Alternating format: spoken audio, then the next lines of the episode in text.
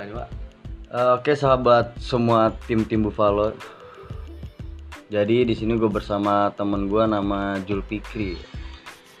Dipanggilnya Keple. Gue bingung itu kenapa dipanggil Keple itu awal mulanya gimana, sejarahnya dan lain sebagainya.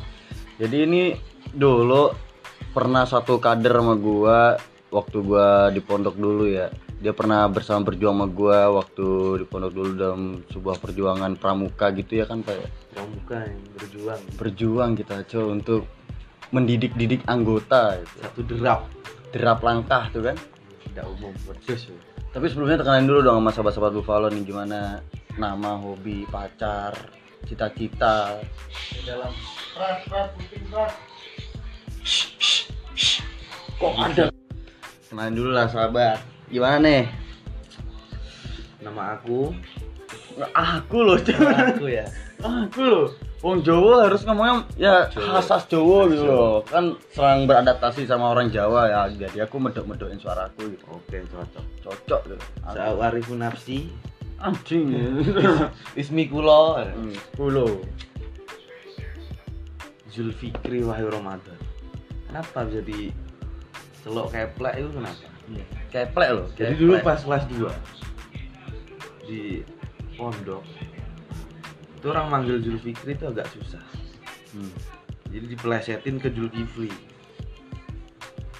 Akhirnya Zulfikri itu aslinya punya ejekan. Cuman gimana caranya orang pondok itu harus punya ejekan kan? biar akrab gitu Biar ya akrab. jadi kalau kita manggil nama sendiri tuh belum akrab Enggak, enggak cocok. Harus punya nama ejekan babi kayak tenyom kayak. tapi kalau aku nggak ada nama lakop tapi nggak ada yang akrab sama aku berarti Cok. Enggak ada, Cok, udah. ah sulah sepi ya. Banyak musuh ente. Zulkifli. Keplek itu diambil dari kiflinya itu kefle. Keple Kefle. Anda baru tahu loh, kok Kefle jadi keplek gitu loh. Biar biar enak gitu ya. Kefle biar enak. Ini kalau misalnya dipanggil kep kep ya. Kep kep. Plek plek. Keplek, plek gaplek gitu kan. Jadi gitu. Itu yang menarik. Tapi ente kok lebih anak anak tahu ciri khas ente tuh dengan keroncongnya tuh. Dangdut. Dangdut ya. Lebih terjerumus ke dangdut. Lebih suka dangdut tuh. Kan anak muda sekarang kan lebih menjerumus ke indie. Ada lagu yang satu datar lah itu terus lagunya apa nadanya gitu terus kayak Hindia gitu kan peradaban itu terus nggak diganti-ganti jadi kayak ceramah cuy Kenapa Jadi- yang harus dangdut tuh Dangdut itu gimana ya? Gak bisa diungkapkan pakai kata-kata. Cuman bisa dirasakan dengan nada-nada. Anjir, gimana tuh maksudnya? Jadi karena saya sebagai orang Jawa, sebagai orang Jawa, saya menyukai kebudayaan lokal. Lokal ya. Jadi dangdut tuh budaya lokal Jawa. budaya lokal bukan budaya lokal sih saya kurang tahu lebih pasti cuman itu lebih tepatnya saya menyukai tradisi tradisi lokal Indonesia makanya saya nggak mau menghilangkan tradisi-tradisi lokal dan memang dangdut itu bisa dinikmati semua kalangan Berarti anak kecil itu suka dangdut ya? Iya, dari yang tua dari yang muda anak kecil baru bayi baru bayi lahir setelan lagu dangdut goyang Goyang. Berarti bentar lagi dangdut akan punah, Cok. nggak bisa Bisa, Cok. dangdut nggak bisa punah TikTok merajalela, Bosku. Wah TikTok itu TikTok didominasi kebanyakan lagu-lagu dangdut Oh, lagu dangdut diremikin Direm. jamet anjing. parah itu Di kalau salah dangdut karena direm- Jawa bertambah sekarang ada Ah. Jawa Tengah Ah, Jateng Jateng ya. ada Jawa Barat Hmm. Jabar Jabar, ada Jawa Timur Jatim Jatim. ada Jawa Baru Nah, apa tuh? Jamet Jamet. Nah, itu ente jamet nggak, Cok? enggak Enggak ya? Kok nggak jamet? enggak Jamet kenapa enggak Jamet justru saya geli cok Kenapa geli, Cok? kalau orang-orang Jamet yang kalau ini bukannya menyinggung satu pihak Iya, iya, gimana? biar menjadi apa namanya Eh, Eh, sudut pandang ente lah nah. gimana kan? sesuai sudut pandang contohnya kalau orang rambutnya panjang pirang Pirang, kayak Sasuke. Nah, kayak kuproy gitu. Kayak motornya Satria. Hmm, motornya mending Satria. Apa motornya beat knalpot bobokan. Brr bikin Ah. rame kok. Bikin rame. Wah itu itu sudut pandang itu tentang jamet ya. Oh sama lagi. Sudut kecil sudut kecil. kalau sudut besarnya apa? Sudut besarnya nggak tahu. Loh, dangdut itu diremikin kan sudut besar. Itu jamet cok. Tergantung dangdut diremik itu jamet. Nah justru itu. Makanya itu saya nggak terlalu menyukai dangdut dangdut remix dangdut dangdut remik ya. Hmm, dangdut ori kayak ciptaan. Mbah Didi Kempot. Mbah Didi Kempot. Yang legend. Legend dangdut Indonesia Mbah Roma Irama. Wis. Gak usah ditanya dia raja dangdut Indonesia Dangdut. tuh dunia cok. Dangdut mendunia. Mendunia ya. Cuman di Jawa toh yang punya dangdut. Bukan di Jawa Indonesia punya Indonesia dangdut. punya gitu. Indonesia punya. Mantap mantap mantap tapi kenapa harus eh ente nggak tertarik dengan lagu indie ala rock gitu? Saya tertarik sih semua dangdut Indonesia suka. Hmm. cuman saya nggak nggak terlalu masuk sama lagu-lagu sebagian. Sebagian. Sebagian. Kenapa? Kecuali yang enak-enak didengar. Yang enak-enak denger ya. Dangdut yang ente suka apa sih paling yang suka. Dari pertama kali dengar sampai sekarang gitu. semua dangdutnya lagu Didi Kempot. Legend. Contohnya contoh banyak contohnya. Salah satu ini tatu apa? Tatu yang terbaru Tatu. Tatu. Sekarang Didi Kempot lagi naik daun. Hmm. Emang dangdut lagi mendominasi masyarakat Indonesia Kira-kira ada filosofi nggak dari dangdut menurut ente? Kan kalau indie itu kan filosofinya gini. Aku sebagai anak indie kan filosofinya tuh indie itu eh, membawa kita kepada kebebasan. Jadi yang pencipta lagu itu bebas mau misalkan liriknya seperti apa, maknanya seperti apa. Jadi bebas ya berbebas gitu. Identik dengan kopi, gitu, filosofi ya, senja gitu. Kalau dangdut tuh jadi semua orang itu setiap orang pasti punya eh, cara menanggapi sesuatu sendiri-sendiri. Ada yang menikmati musik metal dia bebasnya dengan musik metal. Hmm, ada yang menikmati musik musik jazz dia lebih tenang sama musik jazz. Sama kayak ada yang apa menikmati musik indie indie. dia lebih nyaman dengan musik indie musik dangdut seperti itu juga. Ya orang punya eh, persepsi sendiri-sendiri Iya, dalam menikmati menikmati apa yang dia suka. Kalau dia merasa apa namanya dirinya lebih bebas dengan musik rock contohnya Hmm. pasti dia suka musik rock. Dari sudut pandangnya kita lihat ya kayak saya menyukai musik dangdut karena saya lebih lebih bebas sama musik dangdut karena kalau menurut saya emang nikmat dinikmati apalagi lagunya Didi Kempot gitu. Lagu. Kenapa nggak Via Valen? Apalagi Happy Asmara kan wih. ya saya suka semua lagu dangdut tapi paling yang saya kagumi adalah Didi lagu Kempot ya? Didi Kempot Didi Kempot. Godfather of Broken Heart Uh, orang-orang patah hati Didi Kempot tuh emang raja patah hati gitu. Hmm, cuman saya bingung sama orang menikmati dangdut itu. Saya nggak terlalu, saya paham lirik, cuman nggak terlalu menikmati lirik. Soalnya saya juga gemar main musik dan saya, contoh saya bermain gitar, saya nggak ter- terpaku kepada kunci. Kunci Saya lebih suka kepada nada. nada ya. Oh, Seperti itu. Iya, iya.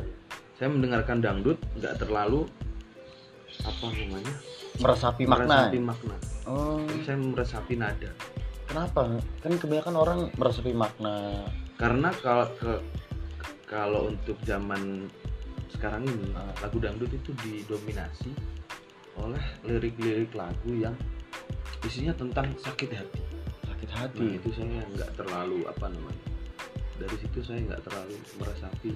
Oh, soalnya Anda belum pernah sakit hati, makanya pernah. Anda belum bisa Belum pernah. Pusing, pusing, belum pernah. Belum pernah ya? Kayaknya Anda harus patah hati dulu baru bisa memaknai lagu. Nggak bisa. Nggak, nggak bisa. Belum pernah. Belum pernah soalnya. Pusing juga. Belum pernah patah hati makanya Belum mati dangdut patah hati. belum pernah patah hati dan belum pernah mematahkan hati seseorang Wah, ada yang mau dipatahin hatinya silahkan. tulis komen wa nya di bawah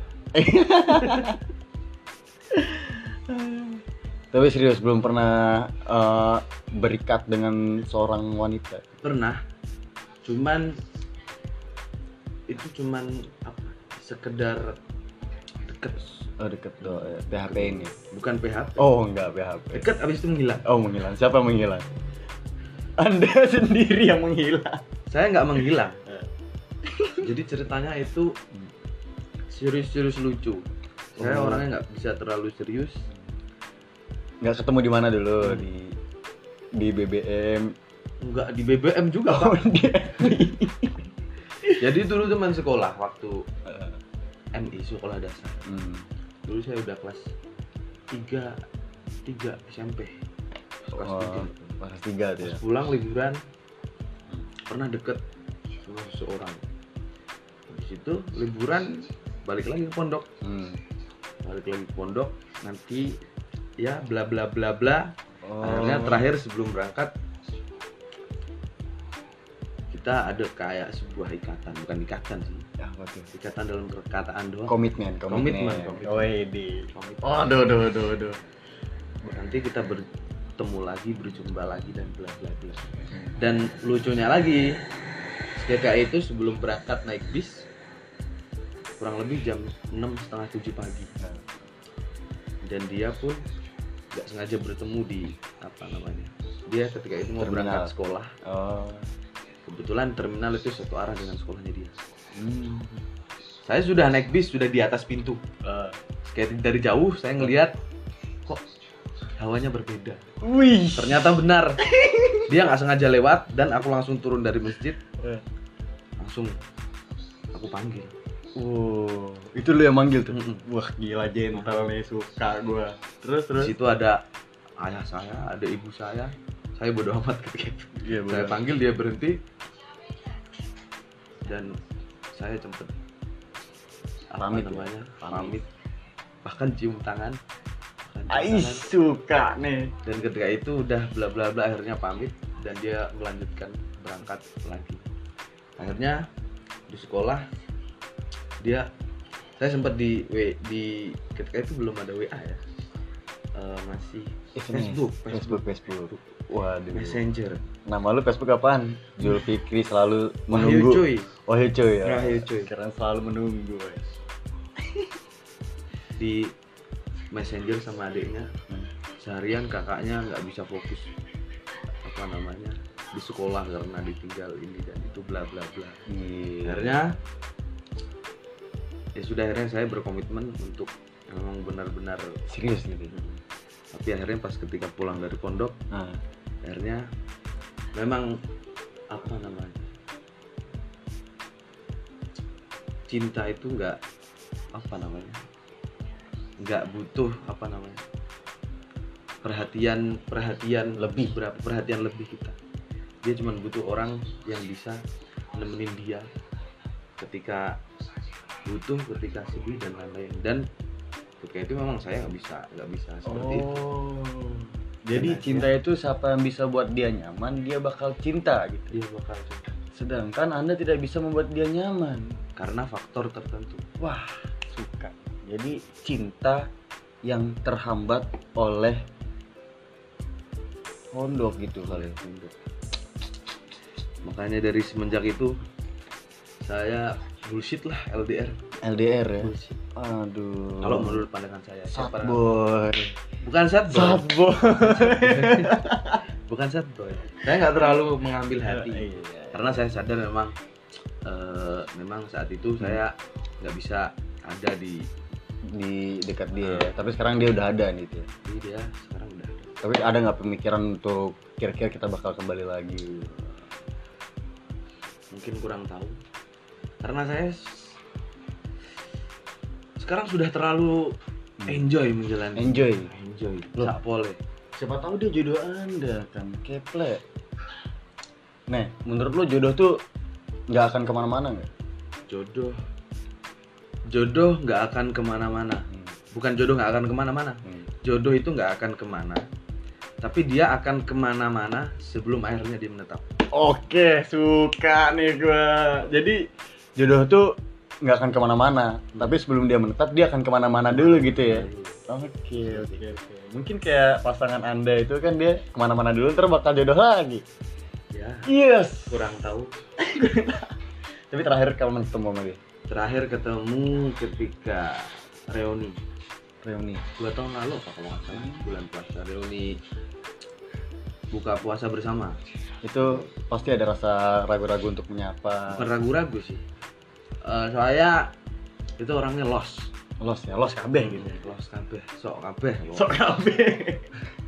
cuman ketika saya saya kan semuanya sosialisasinya wis los kabeh pokoknya tapi dia mungkin yang agak malu-malu Oh dia kali ya. Lalu mah enjoy gitu ya. Bos, pol Siap, siap, siap, siap. siap. Tapi sampai sekarang udah tidak mau berhubungan lagi dengan seorang wanita.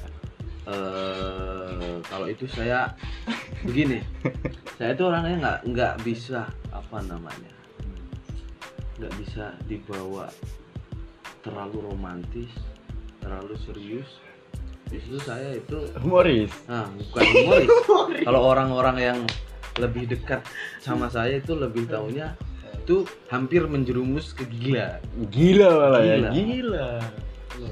karena kalau udah bercanda itu nggak bisa di Nggak dikontrol ya. nggak bisa di dikontrol. dikontrol bisa cuman kalau menurut pandangan orang-orang lain yang melihat itu saya kurang tahu Justru gila itu menarik gitu ya.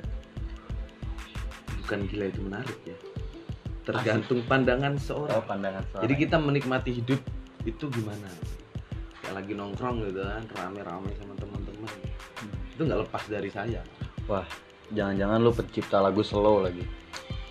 Kan pencipta lagu slow Wahyu namanya. oh ayo Wahyu slow. itu abang ipar jauh kan? Wahyu slow anjir. Aduh. Eh. Tapi plek gue denger lu mau buat keroncong juga ya? Apa hanya planning doang? Apa akan dilanjutkan? bukan planning ya bukan tujuan Hmm. cuman saya ada ingin gitu. maksud saya bukan ya untuk belajar sendiri Nah. untuk membudayakan Jawa. eh, lokal kultur Hmm. karena kemarin saya sempat lihat eh, dari Sujiwo Tejo wah itu panutan Waduh. sekali. Dia mah nggak ada obat tujuh Tejo, Sujiwo kalau udah Tejo. ngobrol dia. Ih, Eh, beliau bilang kalau eh, percuma apa namanya berkata-kata peduli tentang kebudayaan Indonesia tapi kalau nggak ada eh, kepedulian sejarah terhadap Hmm. kebudayaan-kebudayaan Indonesia Hmm. Jadi kita nggak tahu sejarahnya gitu. Sejarah. Berhubung saya dari orang Jawa asli ya dari kecil sudah didikan Jawa bahkan saya keluar Jawa pun masih tetap ingin mengidentitaskan kejawaan saya Jawa gitu ya. contohnya eh, di kampus Hmm. di kampus itu pertama kali kampus saya teman-teman saya di kelas itu eh, kalau manggil kan belum kenal bukan belum kenal sih belum deket gitu. Belum akrab ya. kalau manggil itu kan bro gitu kalau di Jakarta bro bre Bre, bre lau lau. Hmm. akhirnya saya di kelas itu paling ceplos ceplos saya kalau ngomong cak cok cak cok gitu kan. Cok gitu ya. cok gitu. akhirnya satu kelas yang ngomongnya bro bre dan apalah itu Jadi ke bawah ya. ke bawah Iya ke bawah, iya, Cok. iya iya. Karena soalnya di kelas paling apa ya istilah kata paling Paling aktif gitu. bukan paling aktif paling petakilan terkenal. Takilan. Oh, bawa suasana kalau ya. petakilan saya sama cewek ngomongnya pun cok gitu kan Hmm. akhirnya semua di kelas yang manggil saya tuh jadi cok Cok gitu. sama lain Satu sama lain ya. nggak semuanya tapi kalau tapi kalau sama semuanya kebanyakan cok Enak gitu ya. Cak cok cak cok loh. Cak cok cak cok itu Jawa ya. cok itu bukan ya Ya Jawa sih Jawa Timur gitu kan. Jawa. Yang penting Jawa gitu. kebanyakan kebanyakan orang menganggap jauh Loh kalau budaya asli ente apa? Jepara kan? Jepara itu apa Jepara makanan budaya atau banyak Jepara tarian juga sekali-kali main ke Jepara iya aku mau saya di rumah punya mebel hmm. Itu me- Jepara itu terkenal mebel kayu-kayunya. Kayu? Jepara itu terkenal kota ukir. Ukir. Bahan kayunya. Oh wis. aslinya saya itu nggak ingin kuliah. Ah. saya lebih pengen dulunya setelah lulus mondok hmm. saya pengen belajar ngukir kayu. Saya belajar pengen, pengen belajar ngukir kayu. Tapi berhubung ibu saya maksa saya untuk pengen kuliah Kuliah, kuliah ya. saya turutin dulu kuliah mungkin belajarnya nanti. Berhubung di rumah ada yang bisa dipelajarin. Ukir itu kan sebagian dari tradisional Jepara. budaya budaya tradisional. Hmm. tapi pernah sempat belajar ngukir? Pernah sempat belajar cuman sebentar cuman nggak kerasa kalau belajar sebentar. Banyak yang harus dipelajari. Gak kerasa ya. Apalagi sejarah-sejarah budayanya gitu kan. Jepara ngukirnya pati batiknya ya kan eh pati apa? Batik batik itu banyak pekalongan ada Pekalongan, Solo ya. ada. Solo. Pokoknya Jawa Tengah tuh emang banyak budaya tapi banyak yang yang abu-abu gitu. Maksudnya masyarakat luas tuh banyak yang nggak tahu gitu. Nah itu kebanyakan anak mudanya. Hmm. jadi kebanyakan dari anak mudanya itu nggak terlalu peduli Dengan sama budaya itu ya? budayanya. Padahal budaya Indonesia itu udah terkenal jauh sampai luar negeri wah berarti anda termasuk orang-orang yang menolak westernisasi dong budaya barat masuk ke Indonesia dong saya bukan menolak ya, apa pun yang dari luar negeri ke Indonesia dari Indonesia ke luar negeri itu kan kita juga harus pelajari. Hmm. tapi saya nggak ingin menghilangkan tradisi sendiri terutama kan Nah, seperti ukir batik itu kan Ukir, batik. budaya Indonesia sendiri. Masa terkenal di luar negeri tapi di Indonesia malah di nggak dipedulikan. Nggak dipedulikan gitu ya. Tapi menurut ente kira-kira budaya itu bisa punah nggak gitu? budaya itu bisa punah atau enggak? Kan banyak contohnya budaya yang punah tuh. Contohnya tuh kayak apa namanya tuh?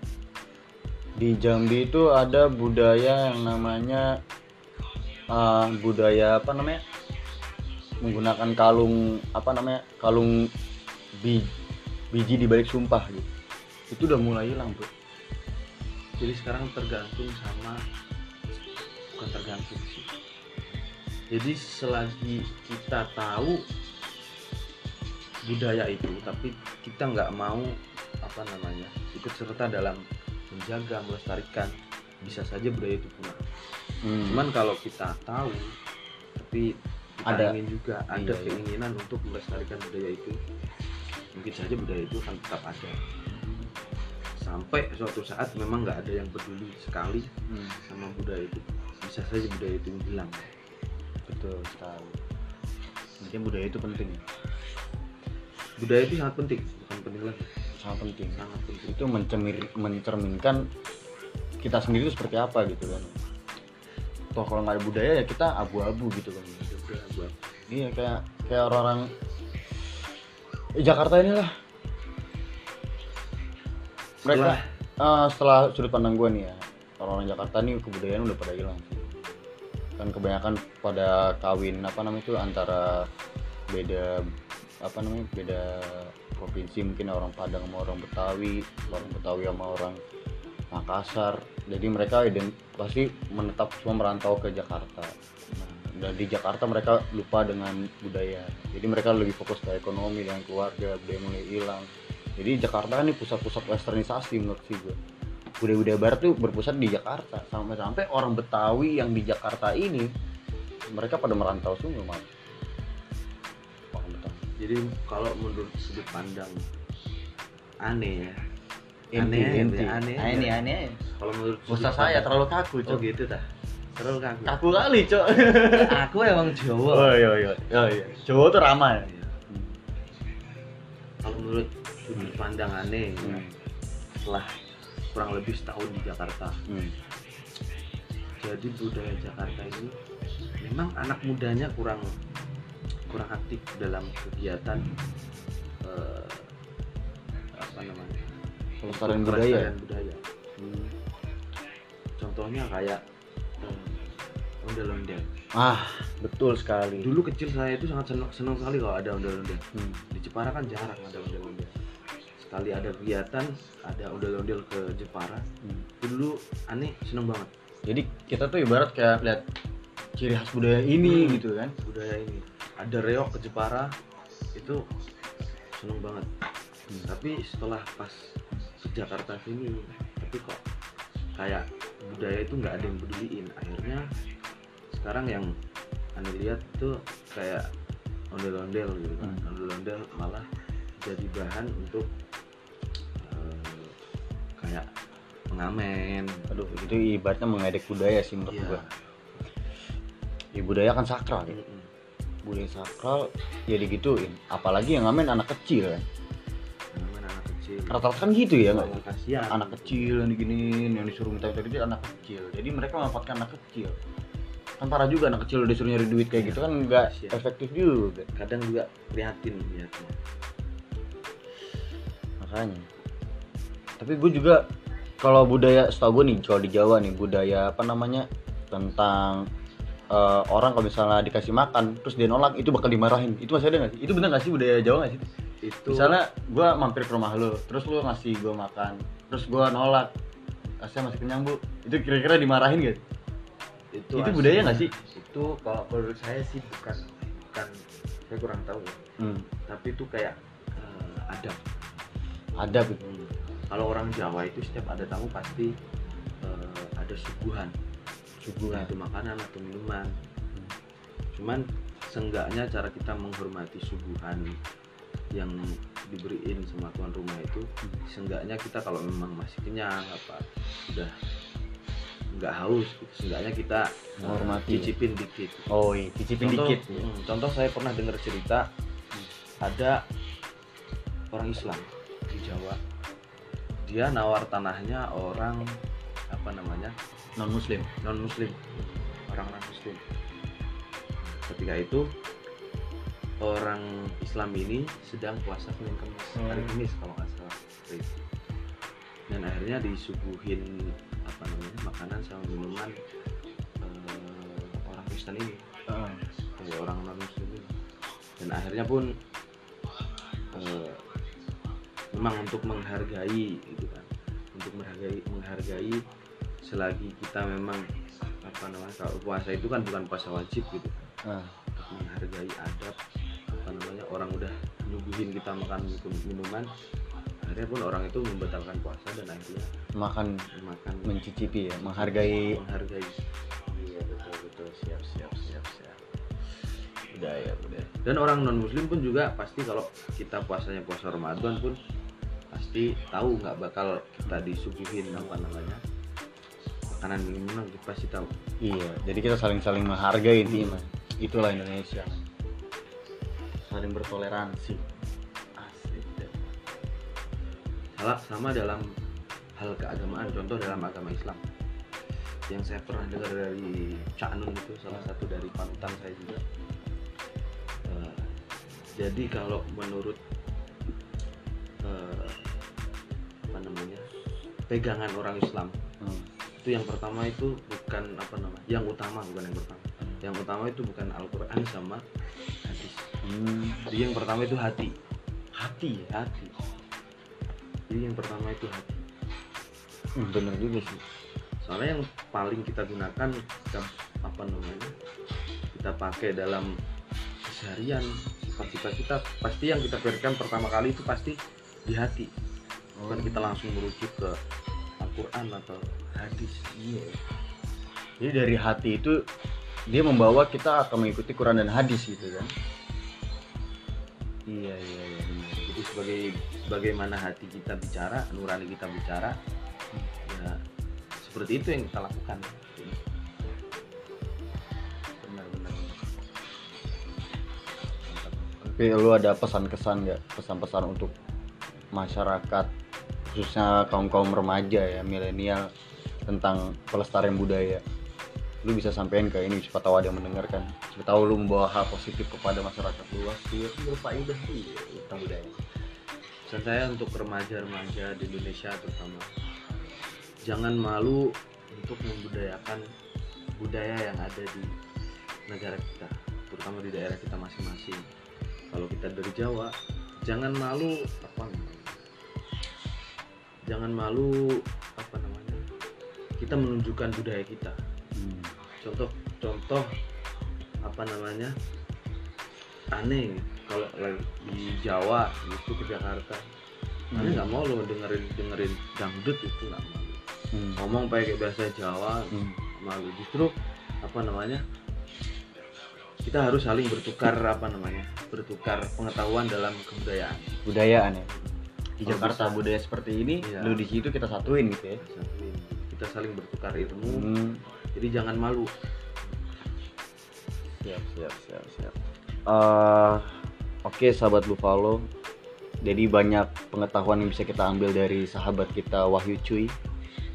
Ingat FB-nya tadi Wahyu Cuy. Wahyu Coy Instagramnya Wahyu Coy Wahyu Cuy makanya Wahyu Cuy gitu. Nggak ada Wahyu Coknya lah Wahyu Cok.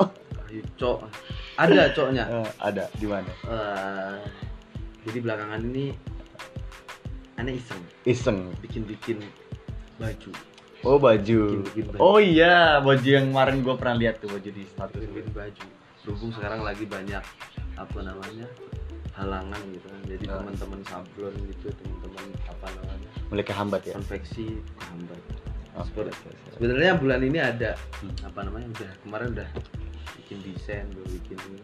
cuman bulan ini nggak bisa berlanjutan dan kita doa bersama-sama buat buat bisnisnya Wahyu Cok ini bukan bukan buat bukan buat bisnisnya Waico ini kita doa buat negara kita dulu oh buat negara ya betul semoga sebelum bulan puasa corona ini kelar Bah, setuju sekali. Semoga sebelum puasa kita bisa merasakan berkahnya Ramadan dengan keadaan yang maksimal.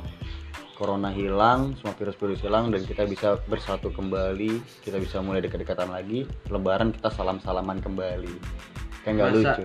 lebaran kalau ada corona kan nggak lucu salam Kita kayak gini. Wakanda Wakanda.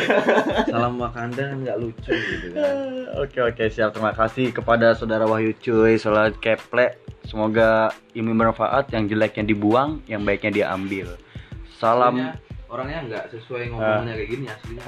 Asli mah gila. Lu lu datang aja dah ke Plankton Home ini Gimana orangnya datang aja di Ciputat dah. Lu ketemu aja sama orangnya ntar tinggal chat aja Japri. Lu gimana bang? Cerita lebih panjang lagi sama dia Udah pokoknya tentang budaya. Tapi agak brutal. Depan posket aja dia agak-agak jaim bro. Nggak tahu podcast aslinya nggak tahu podcast. Ah, aslinya nggak tahu podcast loh. Makanya tadi sebelum gua ajak podcast, gua tanya, "Ayo lo nggak podcast? Podcast tuh apa, Cok?" podcast apa cok? Paham gue dangdut tak dangdut dangdut, keroncong, budaya wes, itu lah. Oke, salam semuanya, salam lestari, selamat tidur, goodbye.